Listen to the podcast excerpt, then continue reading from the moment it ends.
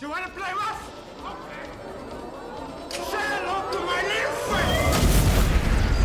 Du hører på Filmmaraton med Stefan og Andreas.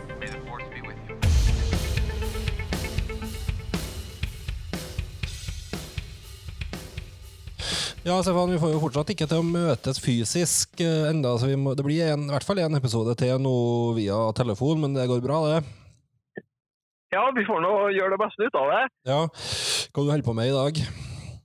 Nei, eh, det, det er nå ikke så mye å holde på med. da. Det er nå å sitte og se litt på TV og kose seg litt. Ja. Høre på litt musikk òg. ja. Ja, eh, hvis du virkelig, dem som virkelig setter pris på å høre på musikk, det gjør jo for så vidt du òg, men du er mer opptatt av kassettspillere og sånt. Eh, men, de, men de kan jo stikke innom eh, Hifi Life i Hummelvika, eller på nettsida, for andre er jo Og Hifi Life er jo eh, offisiell forhandler av det her eh, merket Marantz, som er spesielt god på ja, forsterkere og receivere og, og alt mulig sånne, sånne ting. Ja, Eh, det her er jo et solid, et solid merke som, eh, ja, i og med at André da er offisiell leverandør, så har han jo muligheten til å skaffe en vel absolutt alt da de, de produserer. ja det, det er kult. Ja, så her er jo et bra, et solid og bra, bra merke som ser fint ut i hylla, og som spiller, som spiller bra. Opprinnelig et amerikansk merke, men nå tror jeg de produseres i Japan, eller eies, kanskje er faktisk er japansk eid, men opprinnelig et amerikansk eh, merke. Ja, og som du har eh, Maran hjemme. Nei, jeg har ikke noe, noe Marans. Det er ikke min. Er mer Macintosh-mann Macintosh-mann da, når det kommer til Jeg vil ha litt mer sånn harry, harry amerikansk, med mye, grø, grø, mye grønne lys og rø, rør og sånne, sånne ting. Men det her er slike fine ting som ser mer elegant ut i, i hylla. Mm. Mm -mm. Nei, så da går vi til podden, da. det gjør vi.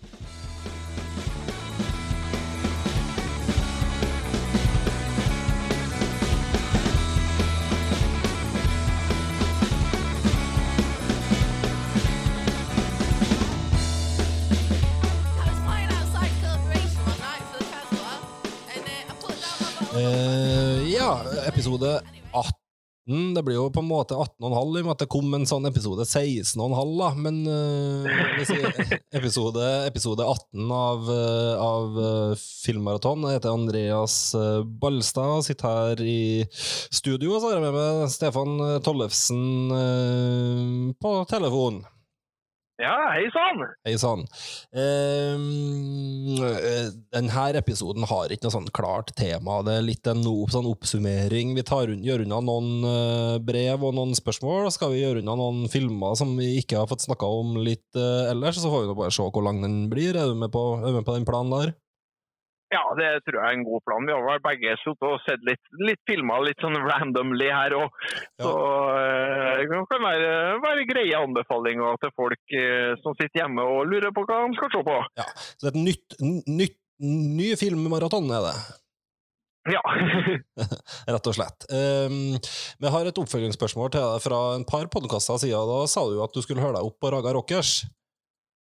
ja, det, Har du, har du, det sa har jeg. du, har du gjort det? Nei, vet du, jeg har ikke fått, fått gjort det, men, eh, men den praten vi hadde der, den har eh, så absolutt inspirert meg videre. Eh, Selv om det ikke har blitt Raga Rockers, da, så har jeg gått enda mer i dybden på eh, min nummer to, eh, De Lillos. Jaha. Ja, for nå sitter jeg jo og har, har eh, hjemmekontor mye godt. Og da tenkte jeg ja, men da slipper jeg jo å sitte og høre på, høre på Tidal via PC-en. Nå kan jeg jo rett og slett høre på CD. Mhm. Og eh, jeg har jo vært flink og plukka med meg de Lillos-platene når jeg har funnet dem for en tier på Fretex. Ja.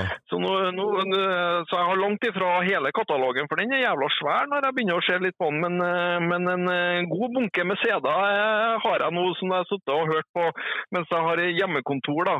Um, og Vi snakka jo i forbindelse med De Lillos um, Andreas, om at de har jo en best-off uh, av De Lillos. Det, det, det vil være en solid best-off.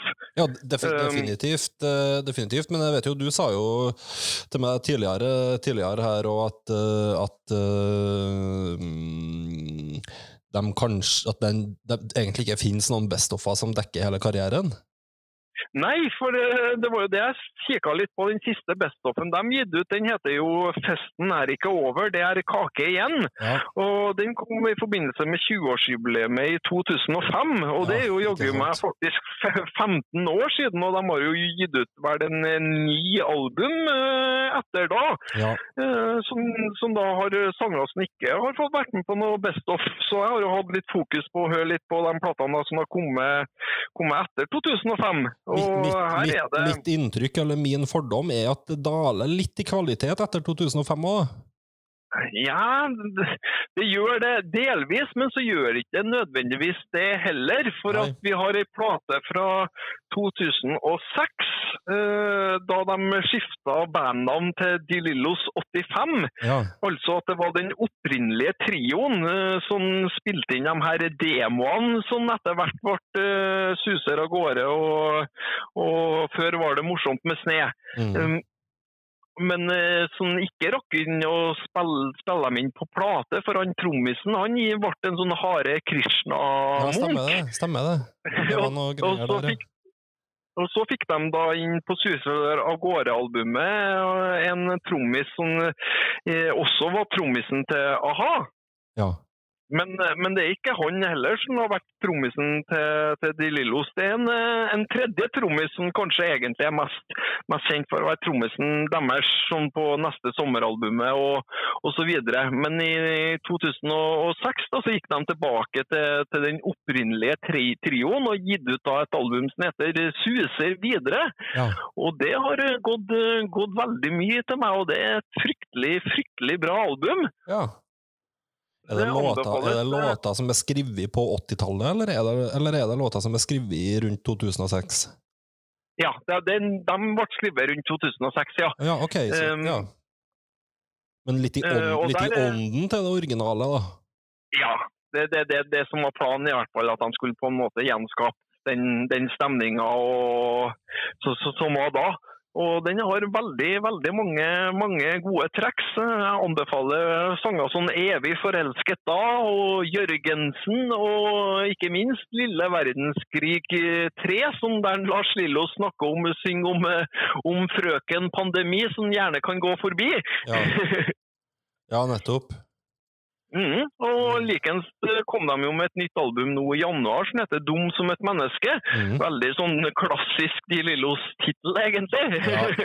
Eh, og hele albumet òg er veldig klassisk De Lillos, men veldig godt album, syns jeg. Så eh, Den har ikke jeg på CD, da, men den har jeg nå hørt streama, streama en, en, en god, del, god del gang. Det er jo en Så, sånn, litt sånn artig, artig lek, eh, det der med om eh, hvis du, du kunne jo egentlig ha, ha lest opp ei, ei, eh, ei låtliste med De Lillos låtnavn, og så skulle jeg gjette om du hadde funnet på dem, eller om de var, re, om de var reelle. For det er ikke For det, for det Ja, vi kan prøve. Har de, har de en, en, en, en sang som heter 'Frokost-te'? Ja. Det kunne de hatt. Det har de ikke, så vidt meg bekjent. Har de en sang som heter 'Brød'? Ja. Ja, det har de. Har de en sang som heter 'Mor'? Ja. Ja. Har de en sang som heter 'Far'? Nei. Nei. Så, men, men, men sånn er det. Ja, det er litt sånn. ja. Eh, De har jo ja, har de, ja, det er mye sånn syltetøy og jeg vet ikke. Nei, det er litt ja, det, det, og, det, og, det, og det er nå kanskje litt av styrken til De Lillos òg, de har nå jaggu meg ordna sang om det meste, egentlig. Ja, I hvert fall det meste Men, som eh, hører, hjem i et sånn, hører hjemme i et relativt avslappa middelklasseliv, har de sang, en sang om. Ja, ikke sant? Har de en sang som heter 'Stole på'? Ja, Ja, selvfølgelig har de det. de har det. De har, dem en sang som heter Dum? det. Ja, har de eh, Nei, jeg tror ikke de har en som heter bare 'Dum', men de kan ha det òg. Jeg tror de har det. Ja, Jeg jeg tror, jo, de har nok det. Ja, nei, nok om, eh, nok om det. Hvorfor skal folk høre på De Lillos i 2020, Stefan? Hva er det med dem som er så bra? Nei, de har jo sitt eget savn, da. Ja. Uh, absolutt. Uh, og det er ja, sånn uh, varierte sanger og trivelige sanger. og ja, Sanger som ikke betyr en drit, men også sanger som kan være ganske dype. da. Ja. Hvis du skal få ei hjemmelekse nå til neste gang, så er det at du må høre litt på Raga Rockers og på Tre, Ja. og tre små kinesere. Ja, nei, men det, jeg skal ta den oppfordringa. Altså. jeg, jeg prøvde meg vet du, på, det, på Raga Rockers, eh, men så var første, å, den vokalen til en, vokalen til en eh, Kron liker ikke jeg, men samtidig så sitter jeg jo her og snakker varmt om De Lillo, så jeg vil jo tro at det er mange som tar vokalen til en Kron framfor vokalen til en Lars Lillo any day, da. Så eh, Ja. det var litt ja, ja så, eh, og verken jeg eller du var vel veldig glad i vokalen til Lars Lillo når vi var små. nei. Det, den er, det er en acquired taste. Ja, det, det er det. Så, Men eh, Nei, anbefaler De Lillos. Ja, nei, men det, eh, det er bra. Vi må gå videre, så det ikke blir en sånn norsk rock-podkast, det her. Men, eh, men vi tar gjerne enda flere vi, Jo, nei, vi, ja, vi tar flere spørsmål om norsk rock, hvis noen har spørsmål om norsk rock. Ja, for det er lyd og bilde og fil, det henger litt sammen, alt det her. Ja. Vi har fått et spørsmål eh, på Facebook av en av våre faste lyttere, Marius, eh, som rett og slett spør spørsmålet Er det sånn at en Bill Murray spiller den samme karakteren i alle filmene sine. Det her er jo, Ja, det det her, det her er jo et, eh, langt på et åpent angrep på rangen til en Bill Murray, da, men, men jeg vet ikke Er svar, jeg svarer både ja og nei? Ja, jeg skjønner godt hva han, hen. Eh, Og han har jo vel kanskje mye godt rett òg, men, eh, men ikke helt. Nei, hvis vi, begynner, hvis vi ser på Caddyshack, så er jo faktisk det Der skiller han seg jo litt. Der er han jo Det er jo litt mye mer sånn fjollete overspill, eh, klassisk sånn komedierolle han gjør der, enn han gjør i noen andre filmer, egentlig. Det er det. Jeg tenker Den rollen han har i Caddyshack i dag, så hadde som f.eks. Bill Ferrell kunne ha spilt den. Ja. Men så har du sånn som Stripes, What About Bob, Ghostbusters. Det er sånn klassisk Bill Murray. Ja. Øh, eh, og ny Dag truer øh. Ja, og Scrooge for så vidt òg, begge dem er en litt sånn kjipere variasjon over det samme. Men si at alle dem er sånn er, er klassisk Bill Murray. mm. Og Så, så, så spiller han jo rett og slett seg sjøl i Space Jam og Coffee and Cigarettes og Zombieland-filmene og en del sånne ting. Så spiller han jo rett og slett Bill Murray. Ja, det gjør han. Så det er jo ei greie. Men, men kanskje sånn fra Lost in Translation da, kom i 2003-2004, så kom den her Broken Flowers av Jim Jarmusch ganske fort etterpå. Og derifra og ut så har det kanskje begynt å vært veldig mye det samme, da. Ja. Eh, ja, og ikke minst som, som pusher. Ja, i Garfield-filmen Garfield-filmen nå så er, er, det, er det veldig gjenkjennbart Bill Murray. Eh, Men det jeg vil dra inn, da det er jo, Bill Murray er jo den, kanskje den aller mest brukte Wes Anderson-skuespilleren.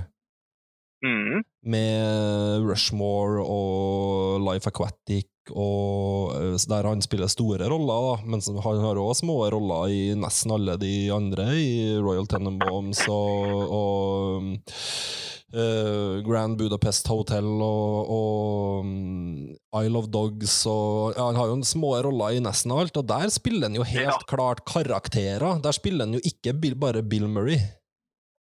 Nei, men, eh, Steve- men vi kjenner kanskje Steve Sisu er ikke, er ikke klassisk Bill Murray. Nei. Nei, han er kanskje ikke det. Eller, ja, jeg vet ikke, kanskje. Kanskje er det det lell. Men han spiller litt varianter av samme, Ja, han samme karakter. da. Han gjør kanskje egentlig det, da. Ja, altså, ok, Han har ikke all verdens range, da, det er fair. Det er egentlig kanskje bare Caddyshack som er sånn virkelig noe annet enn alt, enn alt det andre. ja. Eh, Men han er jo, han er jo fremdeles god. Det er Ja. jo ikke noe, det er ikke noe mot en eh, Bill Murray av den grunn. Nei, altså, noe, noe angrep på en Bill Murray kommer ikke til å bli akseptert i denne podkasten her. Det, men, men ok, vi, vi heller vel mot at han man- spørsmålsstiller her er, er inne på noe, da. ja.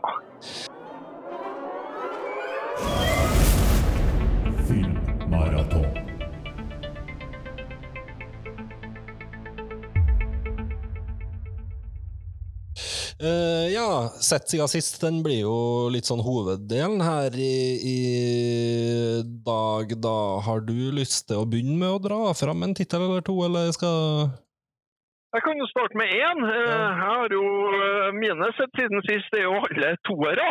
Ja. Ikke terningkast Ja, da.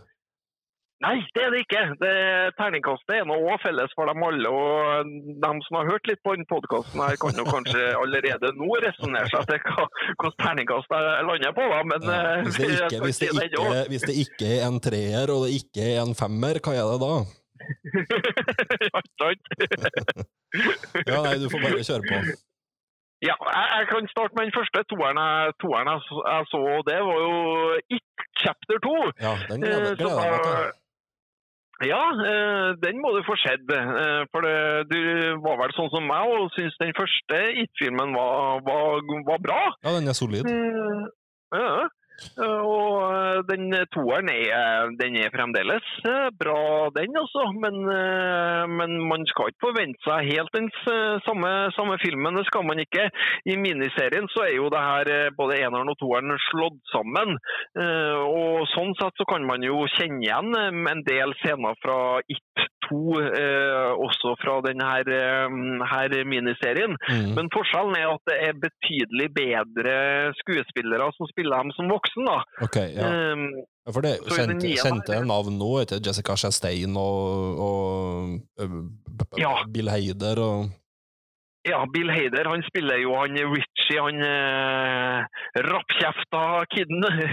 ja. Og han, eh, James McAvoy spiller jo han Bill, han som stammer litt når, når det knytter, knytter seg til. Mm. Og som du sa, Jessica Chastain, da, som hun Beverly. Det Mm. var jo, Jeg kommer jo på når eh, første It-filmen kom, så var det jo nærmest som folkekrav det at Jessica Chastain må spille hun som voksen. For at likheten, altså den rent fysiske likheten, er jo ganske slående i forhold til hun som spilte, i, spilte av som barn. Og, og i tillegg så er jo Chestein en veldig solid skuespiller. og Topp- alle her, ja, så alle de her leverer, leverer veldig, veldig, veldig bra. Men det den her I2 mangler, da, som eh, den første filmen ikke har, og som var to elementer som gjorde den første filmen så bra i mine øyne, det er jo den her, eh, her oppvekstskildringa Mm. som, som den første klarer å skildre veldig, veldig godt. Da. Eh, og I og med at det nå er voksen, kar, voksne karakterer, så sier det jo seg sjøl at, at det ikke er det som står i fokus nå. Og I tillegg så hadde jo den første nå en eh, mye sånn 80-tallsnostalgi, da, som gjorde at det òg ga den en ekstra dimensjon. Har den Eh, litt mindre sjarm, den her, da? Ja, mindre sjarm. Den foregår jo i nåtid, den her, da, ikke sant? Ja. Eh, Og, og, og mister litt den her Stranger Things-feelingen, kanskje, da, sånn, eh, sånn, som gjorde den første iten ekstra, ekstra god. Ja. Um, jeg kan jo avsløre terningkastet med en gang nå. Det blir en terningkast fire. Og den har en del eh, femmerelement, som du, som du ofte pleier å si, Andreas. Mm. Men den her har også en del eh, treerelement. Ok. Så den, eh, ja, så den, eh, så den lander til sammen på en, eh, på, på, på en, eh, på en firer. Av femmerelementene så er det jo de her voksenkassen som er, spiller veldig godt og er veldig troverdige i de rollene de spiller. En annen ting er jo en Bill Skarsgård, fremdeles fryktelig god sånn eh, Pennywise. Ja, han. er bra. Eh, Og de, eh, de scenene han er med i, da, de er skikkelig, skikkelig bra. Ja. Noe annet som er litt kult, er jo at en Stephen King sjøl dukker opp i en rolle. Ja. Um, en- dukker opp som antikvitetshandler. Ok. Ja, så han er med i en liten cameo sjøl, han anerkjenner det her? Altså? ja, ja. ja. Ja, så det her er an- an- anerkjenner han. Så absolutt. Um, og så har den også, for at de barneskuespillerne vi kjenner fra eneren, de er jo òg med i toeren, for vi har en del sånne flashback-scener. da. Um, og de, de er fremdeles veldig gode, og så har vi òg en del skremmende scener, men langt færre enn hva de første, den første filmen. Der var det en del sånn litt sånn creepy og jump scares-scener og sånn som fungerte bra. Men i toeren så er de litt eh, lenger imellom. Ja.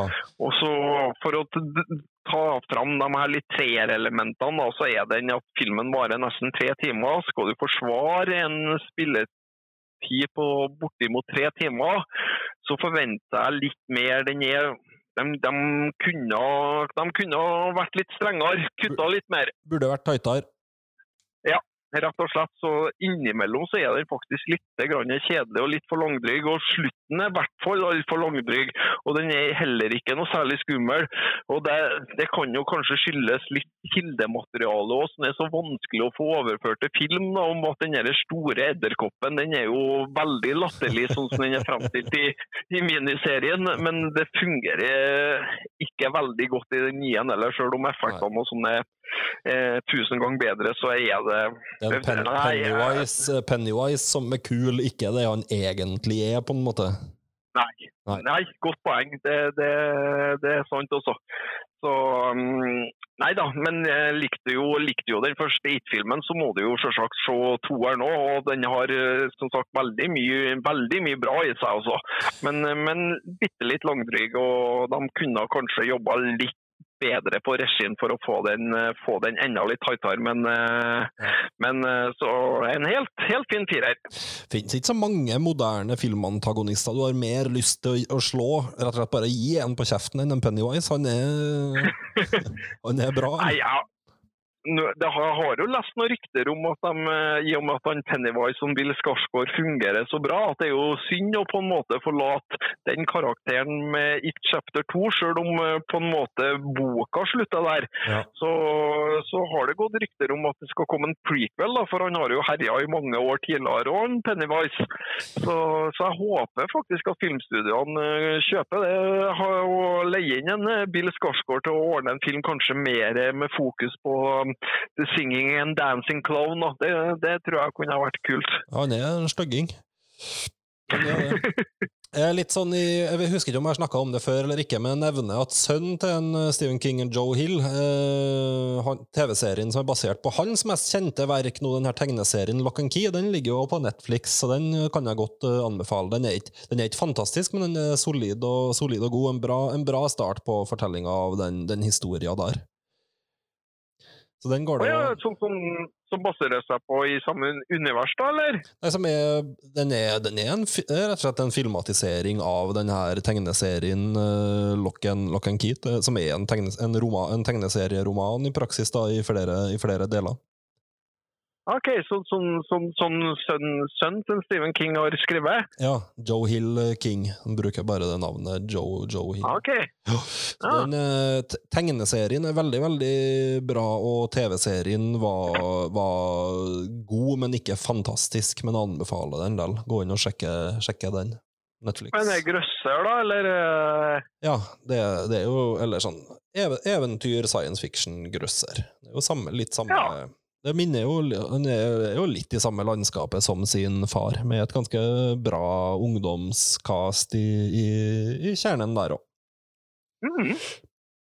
Så det går an og, gå inn og sjekk den hvis man, hvis man lik, liker litt det her landskapet som både far og sønn King opererer, opererer i. Mm. Et sånn realist, realistisk fantasy-univers, skal vi kalle det. Ja, det er riktig. ofte, er, litt, Ja, ofte er litt skummelt. Kan være, være kult, det. Mm. Han, han uh, har jo mye fra sin uh, far. Uh, jeg har sett en film nå nylig som ja, har, jeg, jeg kaller den For, Ford versus Ferrari. I Norge brukes denne tittelen Le Mans 66, som jeg syns er en mye dårligere tittel. Ja, helt enig. Hvorfor den, kunne det ikke bare het for Ford versus Ferrari her òg? jeg vet ikke, veldig, veldig veldig rart. Gi den en annen, annen tittel som ikke egentlig er en norsk tittel, det heller. Eh, den er jo lagd av James Mangold, som vi kjenner fra Logan og Walk the Line og litt forskjellige sånne solide, solide terningkast fem-titler. ja. Ja. Han er jo i det landskapet her, den her òg. Foregår jo i 66, da, og handler jo om eh, Det er jo Matt Damon og Christian Bale som spiller hovedrollene her, som slår seg sammen for å utfordre Ferrari i det her eh, De jobber for Ford, da, som blir litt sånn lett, ja. ja. Uh, eller de blir hyra inn av Ford, som blir litt sånn latterliggjort av en Enzo Ferrari sjøl, faktisk, for å være liksom litt sånn her uh, Ja, det er, sånn fab det er ikke noe sjel i, i Ford, da. Det er liksom en sånn her uh, si? Samlebåndsfabrikk og sånn.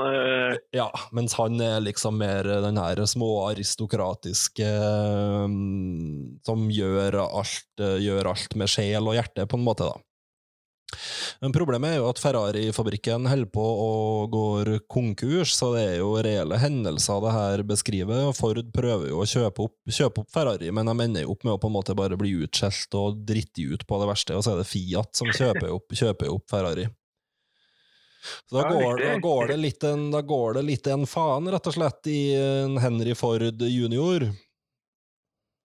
Og da hyrer han Hvem som spiller han, da? Nei, jeg husker ikke hva han skuespilleren, husker ikke hva han skuespilleren heter, men han eh, hyrer inn, hyrer inn en um, um, Hyrer inn han Shelby, altså han som har bilfabrikken Shelby, som en Matt Damon spiller, og så får han etter hvert med seg en um, etter hvert med seg en Christian Bale, som er en veldig talentfull uh, sjåfør, da. Ja. Uh, Så de på en måte blir litt sånn kjernen i et team her som jobber for å utfordre Ferrari og skal slå dem i det her Le Ma- i Le Mans, da, som er det her 24-timers-løpet i Frankrike. Mm. Uh, Den er, den er bra. Eh, Den er meget, eh, meget solid og, og, og underholdende. Ikke bare for folk som liker bil, bilfilm, tror jeg. Den har, et, eh, den har mange element som gjør at den er, er spennende. Den har selvfølgelig veldig engasjerende bilkjøringsscener, men kanskje egentlig Du har jo to veldig solide skuespillere i kjernen her, da. Mm. Har du. Nei, for det var det jeg lurte på litt. Er det, er det, er det bra bilscener, på en måte? Kan Veldig, du sette veldig. deg ned og Ja, veldig. Det er det. det, ja. Eh, veldig. og, det og, og i tillegg, hvordan er det 70-tallet, 60-tallet det foregår på? 1966. Så, så du har jo, har jo eh, tidskoloritten og sånn Fantastisk tidskoloritt. Ja. Så Den er veldig veldig bra. Den var jo Oscar-nominert for beste, beste film, og, og, og fortjener jo for så vidt det, men det er en sånn typisk film som blir nominert og ikke vinner, som er sånn solid, solid og god. ja. Solid og god, men aldri egentlig inne i racet om å vinne. Mm. Men den, eh, den anbefales. Den, er, den er, er bra. Den finnes på norsk eh, streaming nå, men du kan ikke søke på Ford vs. Ferrari, du må søke på Le Mans 66. Ja. så, finner du, så finner du den. Men den anbefales, anbefales veldig. Ellers så fikk jeg jo sett den her, endelig sett den nevnt, snakka vi jo litt om tidligere, men den her nyinnspillinga av Little Women. ja. Eh, For den var det jo ingen av oss som egentlig visste noe om i det, i det hele tatt, men vi har liksom hatt den på referanseradaren, og så var det ingen av oss som egentlig visste noe, visste noe om den. Nei, og jeg var vel mer opptatt av den 90-tallsversjonen av Winona Ryder, at man må se den først. Ja, men du har, du har vel ikke sett den heller, sikkert? Nei, det har da vel ikke. Eh, men her er Greta Gerwig. Dette det her var selvfølgelig også en Oscar-nominert film. da. Eh, har jo en voldsom cast her, da, med Laura Dern og, og Saris Ronan, Emma Watson, Florence Pugh, Meryl Streep og han her super-hotshoten Timothy Chalamet. Eh, som Ja. er en veldig solid sånn her, kall det Arthouse-cast. Med mye, massevis av gode, gode navn. Den var veldig bra.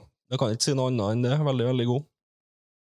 Ja, du klarte å eh, Du ble engasjert i, i plottet. Absolutt. Uh, og eh, følelsesmessig investert, som en god dramafilm skal, skal gjøre, da. Eh, så den handler jo, om, eh, handler jo om fire søstre og deres mor. Det er vel under den amerikanske borgerkrigen sånn cirka det her, eh, det her foregår, så de er jo hjemme mens faren er i, i krigen. Og så er det jo liksom Ja, alle de her fire døtrene er jo Hva skal jeg si sterk og talentfull og intelligent og smart på ulike, ulike måter, så handler det jo rett og slett litt om livene deres, og, og ja, jeg skal ikke bruke kanskje begrepet skjebnene deres, det blir ikke rett å si, direkte rett å si, si det heller, men viser jo litt uh, de valgene de tar, og hvordan de på en måte finner sin vei i, i verden, da. Mm. Med Timothy Chalamet som den her um, rike nabogutten slash vennen deres, som er en sånn karakter som kommer litt inn og ut av livene deres.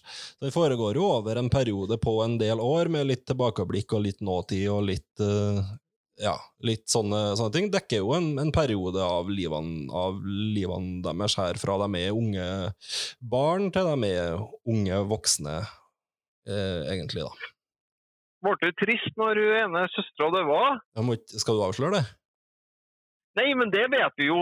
Vi som har sett, fulgt med på Friends, når de snakker om Little Women der, så vet vi jo at det er noen som dør her. ja, det, ja, det, ja, det er veldig trist. det, er jo kjempetrist. Du, du, kan ikke, du, som, du er nå enda mer lettrørt enn meg, du kan jo ikke se Ja, jeg er jo det. Jeg kommer til å grine som faen. Men ja, den, den trykker på de rette knappene, den, altså. Mm. Mm. En av de åtte-ti beste filmene fort fra i, i fjor, den. Meget, eh, meget god. Ja.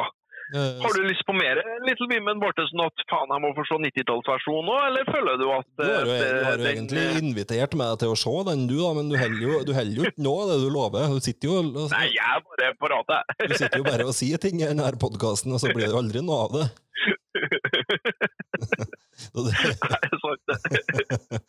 eh, en film jeg tenkte jeg skulle se, men som jeg ikke har fått sett, det er Zombieland 2. Den har du fått med deg? Ja, Zombieland 2 har jeg, har jeg fortsatt. Vet du, jeg er jo på en sånn toårestreak, jeg. Uh, det er viktig det, vet du, å se seg opp på de her oppfølgerne som kommer òg. Så Zombieland 2, ja, eller Double Tap, som, det, som den òg heter. da. eh, mm, eh, og den eh, filmen eh, starter jo med Metallica sin eh, 'Master of Puppets'. Da satt jeg jo selvsagt med et stort glis. Metallica er jo en av mine, mine favoritter, og jeg husker jo godt hvor kult jeg syns det var når jeg så den første Zombieland-filmen. Og den så jeg jo på kino, og den starter jo med 'For Whom The Bell Tolls'. Mm. Så de holder seg, de holder seg på, på tradisjoner med å starte, starte med en Metallica-sang.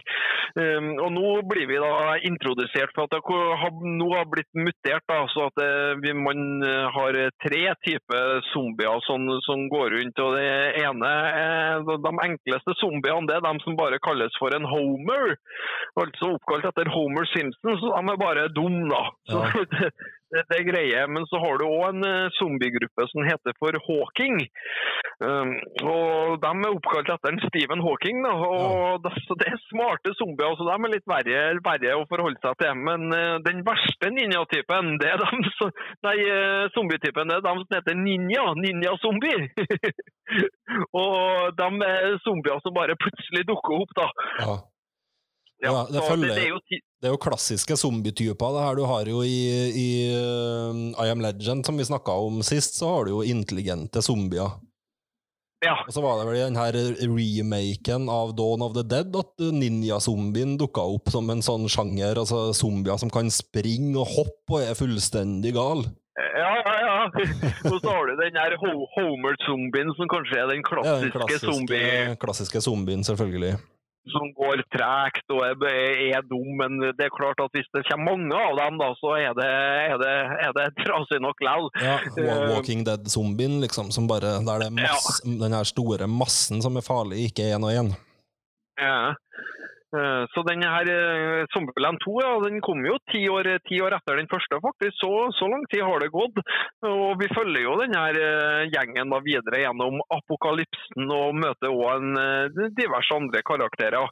Jeg får vel eh, egentlig ikke feelingen av at det har gått ti år, men i og med at du, Abigail Breslin har vokst så mye, så, så må det jo nødvendigvis ha gjort det. Ja. Men de tre andre karakterene, de er veldig Woody Harrelson er fremdeles Woody Harrelson, han. Snakker om, Og- snakker om skuespillere som har ett gir, da. Nå ble Bill, Bill Murray ble Bill Murray hetsa her i, i, i starten, men vi kan jo, kan jo nevne Woody Harrelson òg.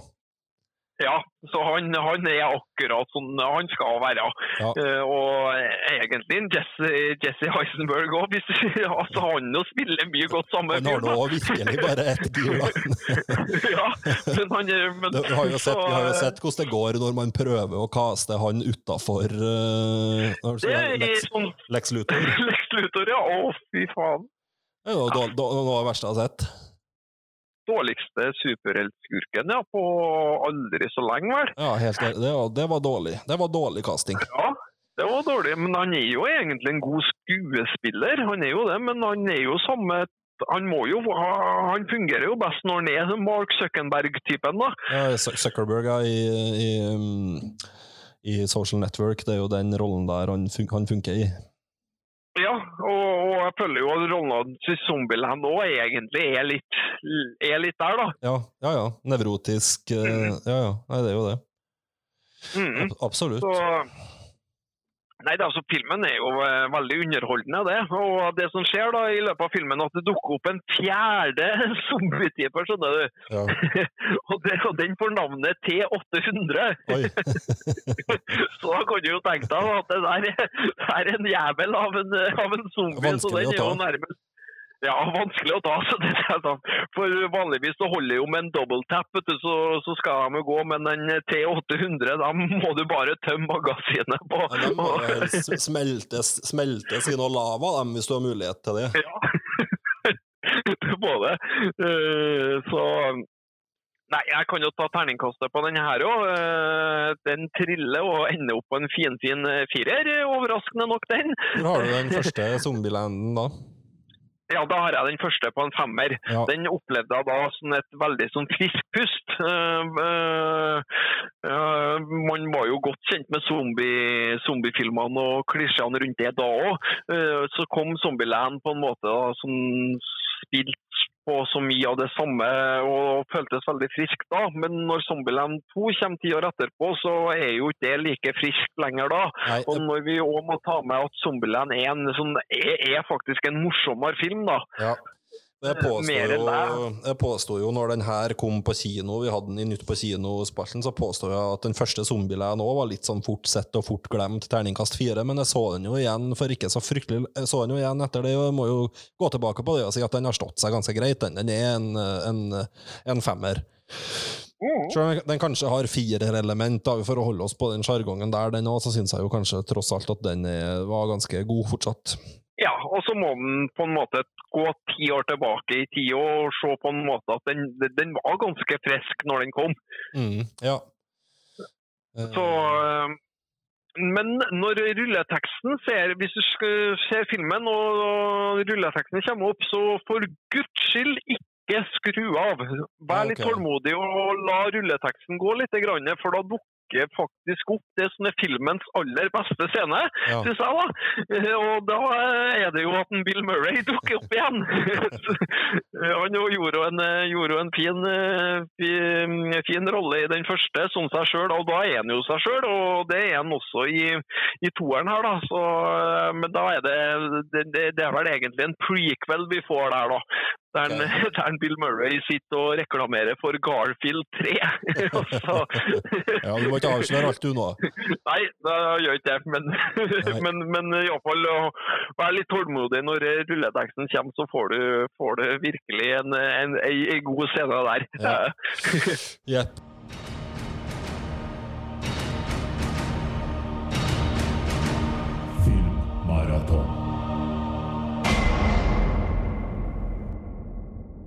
Eh, vi hopper videre. Eh, Ryan Johnson kom jo med sin film i fjor. Det var den her eh, Agatha Christie-inspirerte filmen 'Knives Out'. Ja, den er en film jeg har gleda meg mye til, egentlig. Ja, eh, den er veldig, den er veldig solid, og en av de gode filmene fra i, i fjor. Jeg triller bare en femmer på den med, med en gang. Ja, trenger ikke å lure noe mer på, noe mer på det, men eh, det er jo en sånn eh, who done it-variant med et et ganske stort uh, ensemble-cast med litt diverse. Vi har Christopher Plummer, som vi har snakka om tidligere, som alltid, alltid er god da, i, i, som den, den drepte. Ja. Eh, og så har vi jo eh, James, James Bond, da. eh, Daniel Craig, som er, som er på en måte den her detektiven Benoit Blanc, som kommer inn og liksom skal prøve å finne ut, uh, finne ut hva det er som har skjedd der. Som er en sånn privat, Ja. privatdetektiv. Så har han, eh, han har jo med seg noe, noe politi, blant annet her Lakeith Stanfield spiller jo en av de her politimennene som, som, som er med her, da. Eh, og da er det jo det her familie... Da er han Han som er drept, Christopher Plummer, er jo en typisk sånn patriark, da, en kjent uh, krimforfatter. Han bor i et sånn stort herskapshus og selvfølgelig har mye penger og mye verdier, både i uh, ja, hus, huset og eiendommene sine, men òg i rettighetene til de her bøkene hans. da. Så er det hans barn og, de, og svigerbarn og barnebarn som på en måte er de, de mistenkte, eller dem som har vært til stede, til stede her mens det her skjedde. Og alle har, har grunn til å ha tatt livet av en nå, eller? Ja, Det er jo det man prøver å finne ut her, da. Hvem er det som har Ja. motiv og, og, og ikke? Både tjenere og tjenere, selvfølgelig, eller hva skal si, ansatte, eh, og, og, familie her, da, som er i søkelyset. Eh, Så her har man jo et, eh, et ganske stort ensemble-cast. Som sagt, har, I tillegg til dem jeg har nevnt, så har du jo folk som, eh, som Jamie Lee Curtis og Chris Evans og Don Johnson, Tony Collette eh, og, og andre, andre litt mindre, litt mindre kjente, kjente navn. Ja, Det er solide, solide navn, da. men jeg er jo ekstra spent på hva Don Johnson spiller. Han spiller vel uh, svigersønn, da. Eh, han er jo litt motbydelig, Ja, ja. som vanlig. Litt, mot, ja, ja, litt motbydelig svigersønn som var, var en fryktelig kjekkas i sin tid. Ja. Eh, Jeg mener han Jeg husker jo en sønn eller svigersønn Han er i hvert fall, eh, i hvert fall eh, Jeg tror han er Jeg tror han er inngifta, han da. Eh, At det er Jamie Lee Curtis som er dattera. Som er kona hans. Ja, ja, ja, husker- sånn er det. Husker helt, eh, husker helt feil der. Don Johnson så vi jo sist, selvfølgelig, i Watchmen-TV-serien. Um, eh, ja, eh, den Jeg trodde ut ifra all markedsføringa og litt sånn som jeg hadde oppfatta den og bygde den opp i hodet mitt, så trodde jeg at den var mer ei slags komedie, eller litt en mer sånn humoristisk eh, variant, men den er faktisk en ganske streit uh, krimfilm Mm. men med da et mer, uh, mer kanskje estetikken og utseende på mange måter til en, uh, til en, komedie. Ja.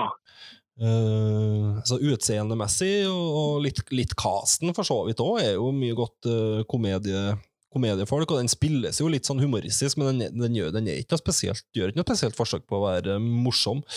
Det er en, uh, det er en litt smart, det er en ganske smart og underholdende whodunit, rett og slett, der man skal prøve å finne ut hvem som har, ja, hvem som har gjort det, og etter hvert hvorfor de har gjort det, og hvordan det gikk det, på en måte. da.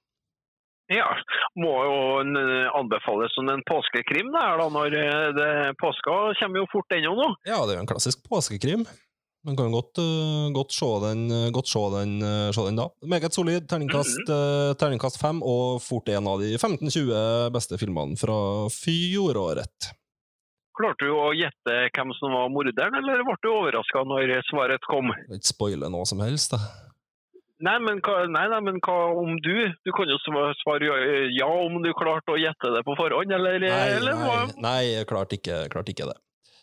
Nei. Jeg klarte, klarte ikke det. Eh, Men den, eh, den avslører faktisk relativt tidlig hvem det er som er, er, er sånn midt, midtveis i filmen, hvem som er morderen. Og så ja. er det litt andre det, det, Du har ikke den der store poirot-scena på slutten. Å nei, nei, for det trodde jeg kanskje at den, de siste, siste kvarteret på en måte da samla Daniel Craig alle i et rom der, og så for- forklart gjennom hvordan det hang sammen. Ja, det er litt greia, det er litt greia med, med den filmen her, det at den er litt annerledes på alle måter enn det man jeg hadde sett for meg i hodet mitt på, på forhånd, og kanskje Ja. litt, litt det du er inne på nå, at du har, har, sett, har sett for deg. da. Så den, er, den, skil- den er litt annerledes enn man tror ut ifra, bildene og estetikken, som er veldig fargerik og, og ja Ligner litt mer på komedie i, i, i uttrykket enn enn på en klassisk sånn krim, krimfilm. Mm. Eh, Jeg kan ta med en film eh, til som eh, ja, hadde, kom gans, det en Netflix- Netflix-film, Uncut Gems, med Adam Sandler. ja, det var den filmen den eh, Sandler ble litt snurt for at han ikke ble eh, Oscar-nominert for det. Jeg mener jo kanskje han, at han- burde ha blitt det, da. Ja, eh, det er flere som, flere som mener det at det, var på en måte hans sjanse. Det her han gjør visstnok en god, god rolleprestasjon. Veldig god. Det er jo de her Safety-brødrene som har lagd den, som kanskje er mest kjent for den her Good Times med Robert Pattinson, som kom for en tre år siden, kanskje? Ja. eh, som har, eh, har regi på den her, og, og den foregår jo i, i et, eh, det her jødiske miljøet i, i New York, eh, der han spiller en juveler, da. Som Ja. har eh, importert en stor stein, en, altså en stor jeg Husker ikke helt hvilken edelsten det er, om det er en safir eller hva det er for noen ting fra, fra Afrika, og som på en måte veldig mye handler om den. Den skal liksom sikre hans økonomiske framtid, samtidig som han står midt oppi ei skilsmisse og midt oppi gamblingproblem og veldig, veldig mange sånn sinnssykt og har ei elskerinne som ting ikke fungerer med. Så begynner det å komme inn kjente basketballspillere som vil ha den, kjøpe denne edelsteinen av en, osv. Det blir veldig sånn um, Det er ve veldig, veldig kok, og, og, og, og jeg må bare si med en gang, jeg har aldri i mitt liv sett en så intens og stressende film. Aldri. Oi, såpass? Jeg, ble, mentalt og fysisk sliten, så jeg måtte bare ta pause og se den over to, over to dager. Den er helt, helt ekstrem, og, det sier jeg jo for så vidt òg på en positiv måte, i forhold til at den er jeg tenker på det at den er veldig god til å, god til å, å skildre akkurat det her vanvittige stresset og presset som Sandler sin karakter opplever over den her tidsperioden som filmen er. da. Mm. Der han egentlig i veldig stor grad er litt mangler, ikke har kontroll på hendelsene som skjer rundt, rundt seg, samtidig som han, han prøver å få kontroll, men samtidig så skjer ting rundt i et sånn tempo og med en sånn um, Ja, litt utafor hans egentlige, egentlige kontroll. Den er, veldig, Mhm. den er veldig god, men den er òg veldig veldig slitsom. Jeg må, må bare si det er også veldig intens. Men en veldig veldig god rolle av Adam Sandler, og for så vidt av hele resten av, av eh, casten. Men vær, vær forberedt på det at den er en spesiell filmopplevelse. Den er annerledes enn veldig mye, veldig mye annet, og vær forberedt på at den er ja, på grensen til å være litt ut... sånn ut- andre, andre skuespillere som er med der, da? Eh, skal vi se Det er jo ikke de aller mest kjente navnene som, som er med, men du har jo Idina Menzel, hun, hun kjente um, musikalstjerna, spiller jo Å ja, ja, er spiller, jo hun eh, synger 'Let It Go' ja, i Frost. ja, og, og del av opprinnelige casten i den her um, Wicked og, og mye forskjellig kjent, eh, kjent, kjent der. Og så har du jo uh, Men ellers er, er ikke de aller mest kjente som, eh, som er med. Du har jo en Lakeith Stanfield som også spiller da i, i Knives Out, som er litt sånn up and coming, up and coming navn, som folk, hvis folk googler han og ser trynet hans, så aha, han har jeg sett. Og så er jo Kevin Garnett, Ja. da, han her basketballspilleren, har jo en sånn relativt stor rolle. Ellers er det jo ja, Ja. Uh, mer og mindre karakter, karakterskuespillere som spiller mye av de her litt mindre, mindre rollene, Ja. er det. Nei, så anbefaler, han anbefaler den. Han burde blitt Oscar-nominert. Uh, Ja. syns, abs syns absolutt det. Han blir, ble litt snytt der. Ja.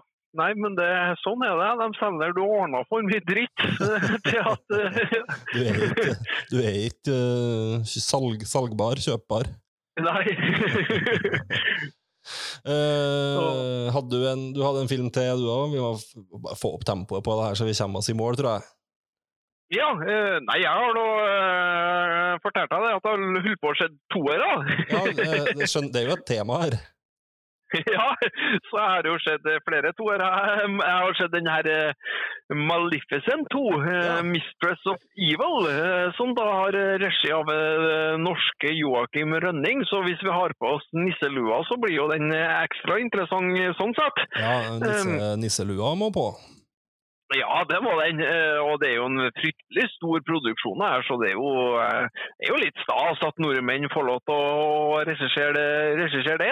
Ja. Den eh, første Maleficent-filmen, jeg vet ikke om du har sett den? Nei, jeg har, jeg har ikke Jeg husker jeg måtte, når jeg drev og skulle skrive sånne forhåndsomtaler av den her, så måtte så måtte jeg snakke med de Snakke med elevene på videregående for å høre, høre med dem.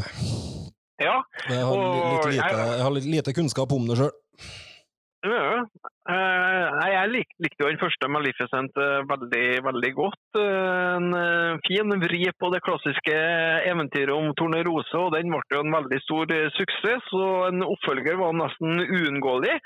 Og filmen her da starter med at han, prinsen da, han frir til Tornerose, eller Aurora som hun egentlig heter. da. Og det vil jo da bli forberedt bryllup. Og han er jo prins, han er her, eh, karen til Tornerose, så han kommer fra et annet, annet kongerike og har jo Michelle Pfeiffer som, som mor.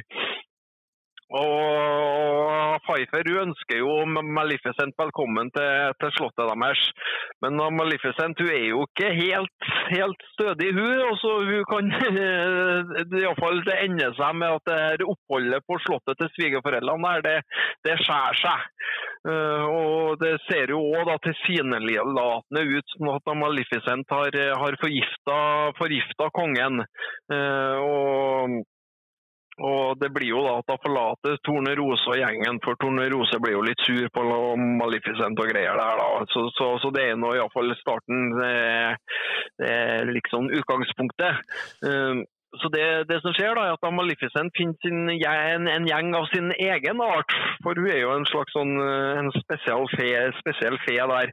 Og det som er litt artig, da, er at eh, Jon Carew, vet du Han har vært med og kledd seg ut. Så han så I et, et halvsekund der så ser du, ser du han som en av dem som, som er i av gjengen. Ja, det, det, det, er det eneste som er interessant for meg med den filmen, her, det er en Jon Carew. Hvordan klarer han seg? han klarer jo seg så hvordan han kan gjøre, med tanke på at han er på skjermen et halvt sekund. da. Okay. Tolv frames. Men vi ser, ja, tolv frames, men vi, men vi ser han jo, han står jo med sånne vinger og sånn, han òg. uh, nei, så man, det, det, er jo ikke så veldig hokus pokus å skjønne hva som skjer. At Maleficent er jo er egentlig bare snill, og at det er selvfølgelig er Michelle Pfeiffer her som er den onde, onde, onde i historien her og driver på og trikser og lurer og prøver å legge skylda på Maleficent. Altså, det er jo ganske likt som den første, første filmen. Uh, Angelina Jolie er jo veldig god som Maleficent. Mm. Det er nesten, altså, jeg kan ikke se for meg noen skuespiller som kunne ha spilt den rollen noe bedre. Og med høye kinnben og sånn, så, så, er jeg veldig god.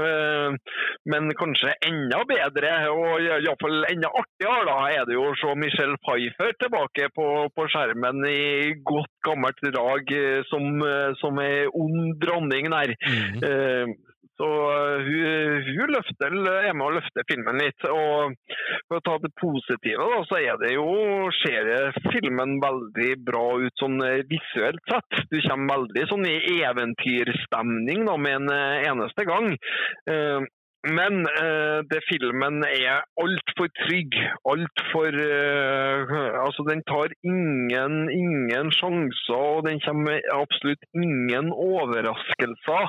Og det gjør jo òg at filmen mangler litt på å engasjere, rett og slett. Men eh, samtidig så er det Ja, det er jo litt som forventa. Så en svak firer får den her Maleficent, tross alt, da. Mm. Ja, men den er verdt å, jeg forstår jo som at den er verdt å se, da. Ja, den er den, Du må ikke se den, det må du ikke. Men vil, vil, du nok se hva norske regissører gjør i Hollywood, og, og ikke minst hvis du, hvis du, faktisk er veldig glad i de her Disney-remakene Disney og, og, liker deg i de her eventyruniversene, da, som er veldig altså de, Det er lagt mye penger i det her også, så det, så det er ikke noe tvil om at, at scenografi og kostyme og alt sånt der er, er veldig fint å se på. Mm. Men jeg skulle ønske at de har tørra litt mer, da, vært litt mer, tatt noe mer spenstige valg. Ikke på en måte gjort sånn at du skjønner egentlig fra første sekund da, hva storyen kommer til å være, om hvem som er skurk og hvem som blir lurt og alt sånt der. Om de har tørsa å utfordre litt, grann, så, så hadde jo det, hadde, jo det, hadde filmen tjent seg på det. Mm. Um, men ikke noe kompetent. og en Joakim Rønning han er et, åpenbart altså, Det er en stor produksjon han hadde hånd om, så, så han kommer nok til å se mer, mer til av sånne her type, type filmer, da, tror jeg. Mm. Helt til slutt skal jeg ta med to sånne sann historiefilmer i landskap drama-thriller. Begge to er veldig konservative i, i formen, men de er jo ganske ulike i Ja, relativt ulike eh, politisk. Begge er interessante og, og, og gode, og cirka samme, kvalitet, cirka samme kvalitetsnivå. Jeg triller femmer på begge dem her òg. Det er, er, er Clint Eastwood sin Richard Jewell og Todd Haynes sin Dark Waters. Som ikke er de to, Ja. er de to titlene som har fått mest oppmerksomhet uh, i, i det hele tatt, men som er sånne solide, gode dramatrillere fra, fra USA. Ja. Eh, Richard Jewell, eh, Clint Eastwood sin film, den foregår jo under OL i Atlanta i 1996, når man kanskje husker at det var ei bombe som gikk av under en konsert på kveldstid, kveldstid der under OL.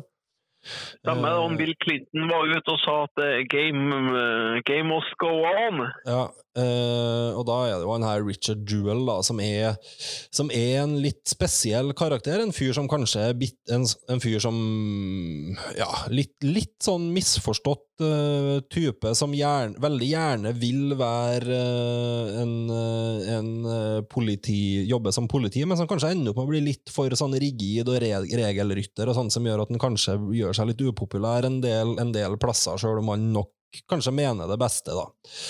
Eh, Så Ja. han oppdager denne bomba og, setter i gang et helsikes eh, leven rundt, rundt det for å få, få folk ut, og så videre. Og så er det litt sånn eh, det som skjer i, i ettertid, når FBI og media i praksis begynner å snur bildet fra er han fyren her egentlig en helt, eller kan det tenkes at han hadde noe med det her å gjøre? Ja. Eh, og da kommer en, uh, Sam Rockwell, min favoritt, inn her som uh, advokaten som prøver å hjelpe ham i kampen mot overmakta. ja. Og da er det litt, litt typisk Clint Eastwood òg, at det på en måte er ja, han, er jo, han er jo konservativ politisk òg, for hans del er det jo på en måte det her ja, inkompetente myndigheter, eh, eh, sensasjonsgrådige medier som er skurken på en måte i den, i denne, i denne historia, da, som på en måte tar, tar mannen i, tar mannen i, i gata.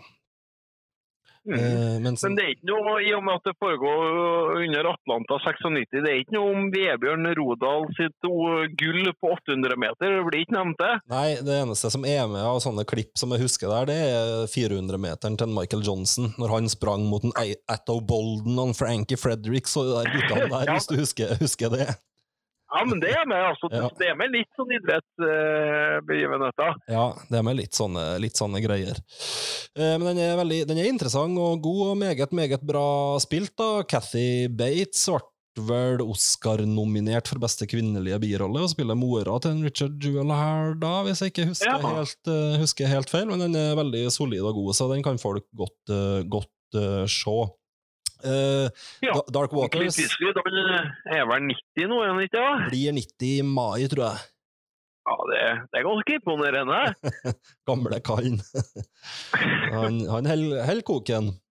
Uh, Ja, det er gøy. han. Todd Haynes eh, på sin side han går jo mer til angrep på storkapitalismen. Han og, de har jo til felles, begge de filmene her, at de er hyller mannen i gata, er relativt konservativ i, i formen men der, og er interessant og god, men der på en måte Eastwood går på masse media og myndighetene, så er det jo Big Chem-selskapene og storkapitalismen som på en måte er den stygge ulven i Dark Waters. Um, og det handler jo om Mark Ruffalo, som også spiller en advokat, da, som etter hvert finner ut at eh, et av de her store, store kemis... Altså store farmasøytiske sånn her kjemiselskapene i USA de har drevet og sluppet ut ulovlige, ulovlige stoff på ei søppelfylling som rett og slett har drept, drept alle husdyrene og, og er farlig for mennesker i, i, i det her eh, om, området der de får det her i drikkevannet, og så det er jo en sånn klassisk litt sånn skrivebordstriller, ikke sant? Der man på en måte driver og nøster opp, nøster opp det her, og veldig mye av dramatikken foregår i møter mellom de ulike partene i konflikten og, og sånne, sånne ting. Så, mm. så den er veldig interessant og, og, og god, og, begge de her filmene har en god del til felles, selv om de nok da tar, tar litt ulike politiske innfallsvinkler til, til sine tema. Men det er, det er greit nok, det. Eh, Både Todd Haynes og Clint Eastwood er veldig tydelige på hvor de står politisk, så det er enkelt å, enkelt å forholde seg til det. Ja. uh, ja, så dem går det an å få Går det an å få sett. Skal vi si at vi begynner å ha kommet gjennom litt noe diverse Det blir litt, litt sånn oppsummer, oppsummeringsheat, det her, på diverse filmer som kanskje hadde blitt forbigått i stillhet ellers, da. Ja, det er sant det. For du har jo vært flink nå og sett, sett de titlene som var med i Oscar-raset som vi ikke har fått snakka om eh, ennå. Og så har jeg vært flink til å se de her toerne som på ingen slags måte har meldt seg på en Oscar-race, men iallfall har vært ordna for å prøve å få, få et ja, tjene penger, egentlig, rett og slett. store, store kinosuksesser, de, de du har dratt fram her, kanskje i større grad enn noen av de filmene jeg har snakka om. Jo, men eh, jeg hører jo det at du har jo litt mer på terningkast fem, mens jeg ligger ganske forventa på terningkast fire på hele, hele rekka her. Men, eh, men det, det er greit òg. Little Women er terningkast seks. Alle de andre, alle de andre tror Ja. jeg faktisk er terningkast fem. Ja, ikke sant? Mm, Sekser på Little Women, ja. Ja, men eh, så Ja, nei, meget, meget, meget bra. Kanskje jeg skal, skal få en 90-tallsversjon til neste gang, da. Jeg trilla òg sekser, tri, sa jeg det sist? Det er 1917 er jo selvfølgelig Nei, for to, to podder siden 1917 er selvfølgelig òg en sekser. Ja, den bonus, bonuspodden, ja. Ja. Da, jeg vet ikke om jeg trilla terning på Hercules, men, men den må får vel seg en svak ja, mellom fire og fem, tror ikke jeg. Jo, rundt, rundt en plass. Solid firer. Ja. ja. Ja, nei, men eh, da er det Miyazaki og Studio Ghibli for full eh, rulle framover. Ja, ikke nødvendigvis Miyazaki. Studio Ghibli er mer enn han òg, er han ikke? Absolutt, men han er vanskelig, vanskelig å komme utenom, utenom, Ja, det er, eh, utenom det er sant, ja. Men det et Studio, det det er et Studio Ghibli-maraton, ikke et Miyazaki-maraton. Det har du helt rett i. Ja. Ok, nei, men da så får du ut og nyte øh, våren, da, eller er du Vi får nå Det er noe, Når vi spiller inn nå i dag, så er det noe fryktelig godvær ute. Og jeg er nå ikke i karantene, så jeg skal nå iallfall rusle meg, rusle meg en tur. Eh, Du du får lov til å gå, gå du òg, gjør ikke det? Så lenge du ikke går innom noen plass. Ja da. Eh, nei, forhåpentligvis så kommer vi snart tilbake fra, fra friheten ute i, ute i verden, begge to. Ja. Ok, skal vi Ja, nevn. Jeg, tenkte ja, jeg tenkte bare å nevne et par titler som kommer på, kommer på Blu-ray eh, på, på slutten av eh, mars her nå. Ja, farsken, det må du gjøre. Ja, kan, eh, kan gjøre det. Den, den første som kommer, det er jo den du, du snakka om, eh, Ford versus Ferrari, som jo allerede er tilgjengelig på streaming. Men vil du ha den på fysisk format, så, så må du vente til 30. mars. Eh, anbefaler det. film- Ja. Annen, film som kommer 30., det er jo den eh, norske nyinnspillinga av De dødes tjern. Så den kommer nå helt sikkert til å ende opp i, i eh, samlinga mi. Det har du jo meldt, det har du jo meldt for lenge siden. ja. Eh, og, og eh, en annen ting jeg har merket til at det kommer enda en sånn ny Dragonheart-film på eh, rett på, på Blu-ray. Nå vet jeg ikke fi- film i rekka det blir, ja, men vi kommer jo på den første Dragonheart. Den kom vel i 1903 1995, tenker jeg. Og har jo da Sean Connery som stemmen til, den- til den dragen. Mhm. Og så har det jo kommet en del sånne rett på video eh, her. Um, så eh, den, den, den som kommer nå, da, den heter iallfall Dragonheart Vengeance. Men har ikke Sean Connery eller uh, egentlig noen kjente navn på rollelista. Men uh, i og med at de driver på Jo, Helena Bonham Carter ser jeg, ser jeg nødvendigvis har noe stemme til Hun er med på alt, hun. Ja, hun er med på mye rart, ja. Og det kan bety Det kan Ja. Det trenger ikke å bety noe som helst. Nei, det gjør ikke det. gjør ikke. Men at det er Farsken at jeg ikke klarer å se hvilket eh, nummer det er i rekka. da. Dragonheart. Det er iallfall Dragonheart nummer fem-seks eller noe sånt nå. Ja. Yes. Så hvis, plate, hvis platekompaniet fortsatt eksisterer når dere hører det her, så kan dere jo kjøpe begge dem. Ja, nå kan jeg nå avsløre allerede at jeg har fått uh, sikre, sikre kilder på at platekompaniet Trondheim uh, blir lagt ned etter påske, uavhengig av korona eller ikke. da. Men okay. at det, det har de eh, dessverre funnet ut at ikke, ikke er lønnsomt å ha i, ha i Trondheim. Så da er det bare Oslo og Bergen igjen, og da er det vel eh, jaggu meg Jeg skal slite da, med å få kjøpt fysisk format framover. Ja, Men så har jeg jo skruestikker bare strammer seg rundt deg nå. Det gjør det, og jeg, jeg liker jo jeg handler jo en del på internett, men noe er jo, er jo nettopp det at du ja, ser en film og har den i handa, tøft å ta den med seg med en gang. Men, eh, men jeg skal da, skal da vel bli litt flinkere til å spare penger framover òg, så sånn sett så kan det jo bare være positivt. Ja. Færre impulskjøp. Ja, det, ja, for det er det jo. Jeg skal ikke Jeg ser jo det at jeg betaler jo innimellom litt mye bare for at jeg ser at oi, det, det, å, den har jeg lyst til å ha i handa nå, lyst til å ta med meg nå. Mm. Så ja.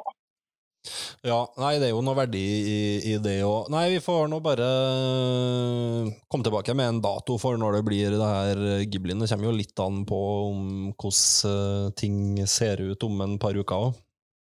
Ja, det gjør det. Så, men det er nå det er nå bare å se, se film, og kom gjerne med tips til nye maraton eller eh, filmer vi, vi, vi skulle ha sett. Ja. Så setter, setter vi noe pris på det, og så skal vi nå også komme tilbake med litt mer VHS-nostalgi òg etter hvert. Ja, Det ble ikke noe, noe, noe av nå, men eh, det, det, det, det blir det.